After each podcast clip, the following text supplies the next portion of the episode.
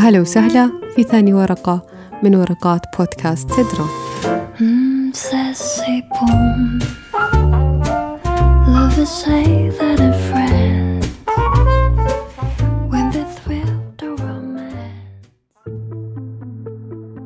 الرغبة نصف الحياة أما عدم الاكتراث فنصف الموت.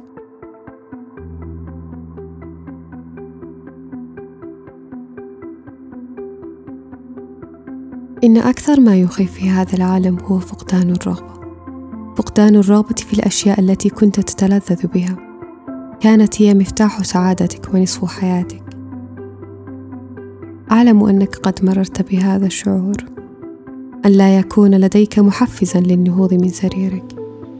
أعلم أنك قد صحوت يوما وإذ بهذا الوهج قد انطفى. أتعلم ما معنى أن ينطفئ وهج الرغبة لديك؟ يعني أن تنظر للأشياء المحببة لقلبك بدون شعور أو بدون أن ترف عينك لها.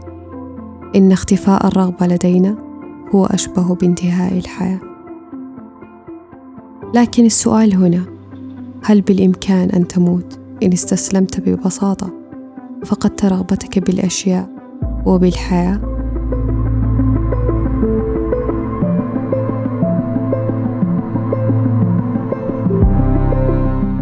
أحيانا تفقد القدرة على الاستمتاع بالأشياء البسيطة الأشياء التي اعتدت ممارستها. تفقد الرغبة بعملك باجتماعاتك مع أصدقائك بمشاهدة مسلسلك المفضل وبالأشياء التي كانت تتوهج بداخلك. البعض يعتقد أنه الاكتئاب لكنه ليس كذلك. إنه فقدان الرغبة.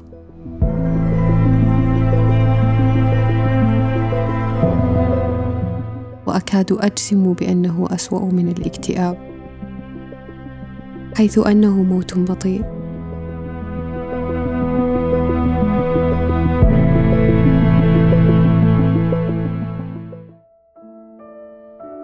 أنهيدونيا هو مصطلح طبي يصف هذا الشعور. وبمعناه يعني تقلص القدرة على الشعور بالمتعة. ويصف قلة الاهتمام بالأشياء المحببة للذات والانسحاب من جميع الأنشطة الممتعة المعتادة. وفي نوعين مختلفين من الأنهيدونيا أنهيدونيا جسدية وأنهيدونيا اجتماعية والجسدية تعني عدم القدرة على الشعور بالملذات البدنية مثل فقدان الشهية لوجبتك المفضلة. والاجتماعية تعني عدم القدرة على الشعور بالمتعة الشخصية مثل المتعة بالوجود أو بالتحدث مع الآخرين.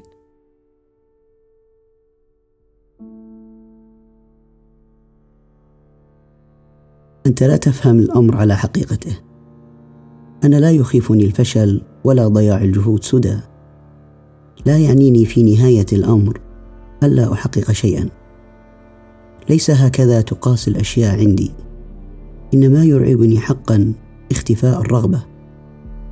أن أستيقظ يوما فأجد هذا الشعور في صدري قد انطفأ. هل تعرف ما الذي يعنيه هذا الشعور لشخص مثلي؟ أن يتلاشى وهج الرغبة وأن أنظر للأشياء حولي ولا أشعر بشيء؟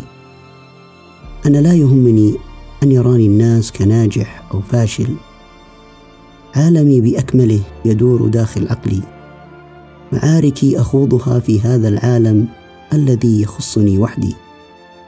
لكن إن رأيتني يوما منطفئا كموقد مهجور لا أشعر بشيء فهذا هو انتهاء الحياة بالنسبة لي.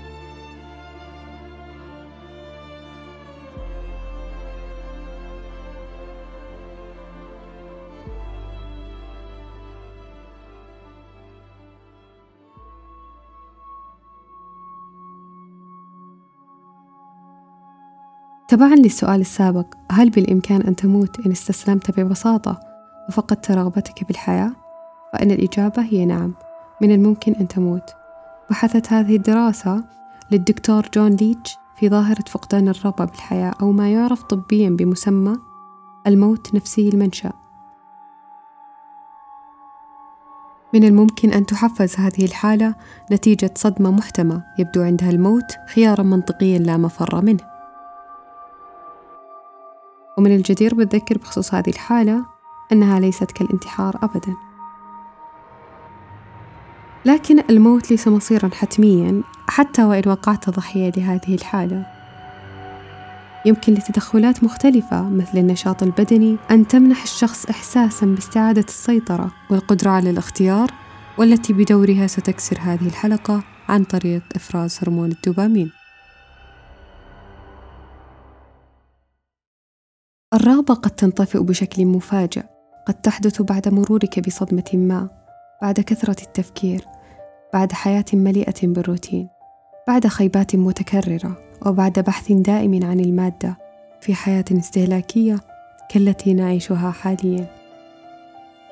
قد تستطيع التغلب على هذا الشعور أو تخفيفه بأن تدرك هذا الشعور وأن تدرك أن إشباع كل رغباتك بغير قيود لا يوصل للحياة الطيبة وليس السبيل إلى السعادة وأن الجشع والسكينة لا يتعايشان.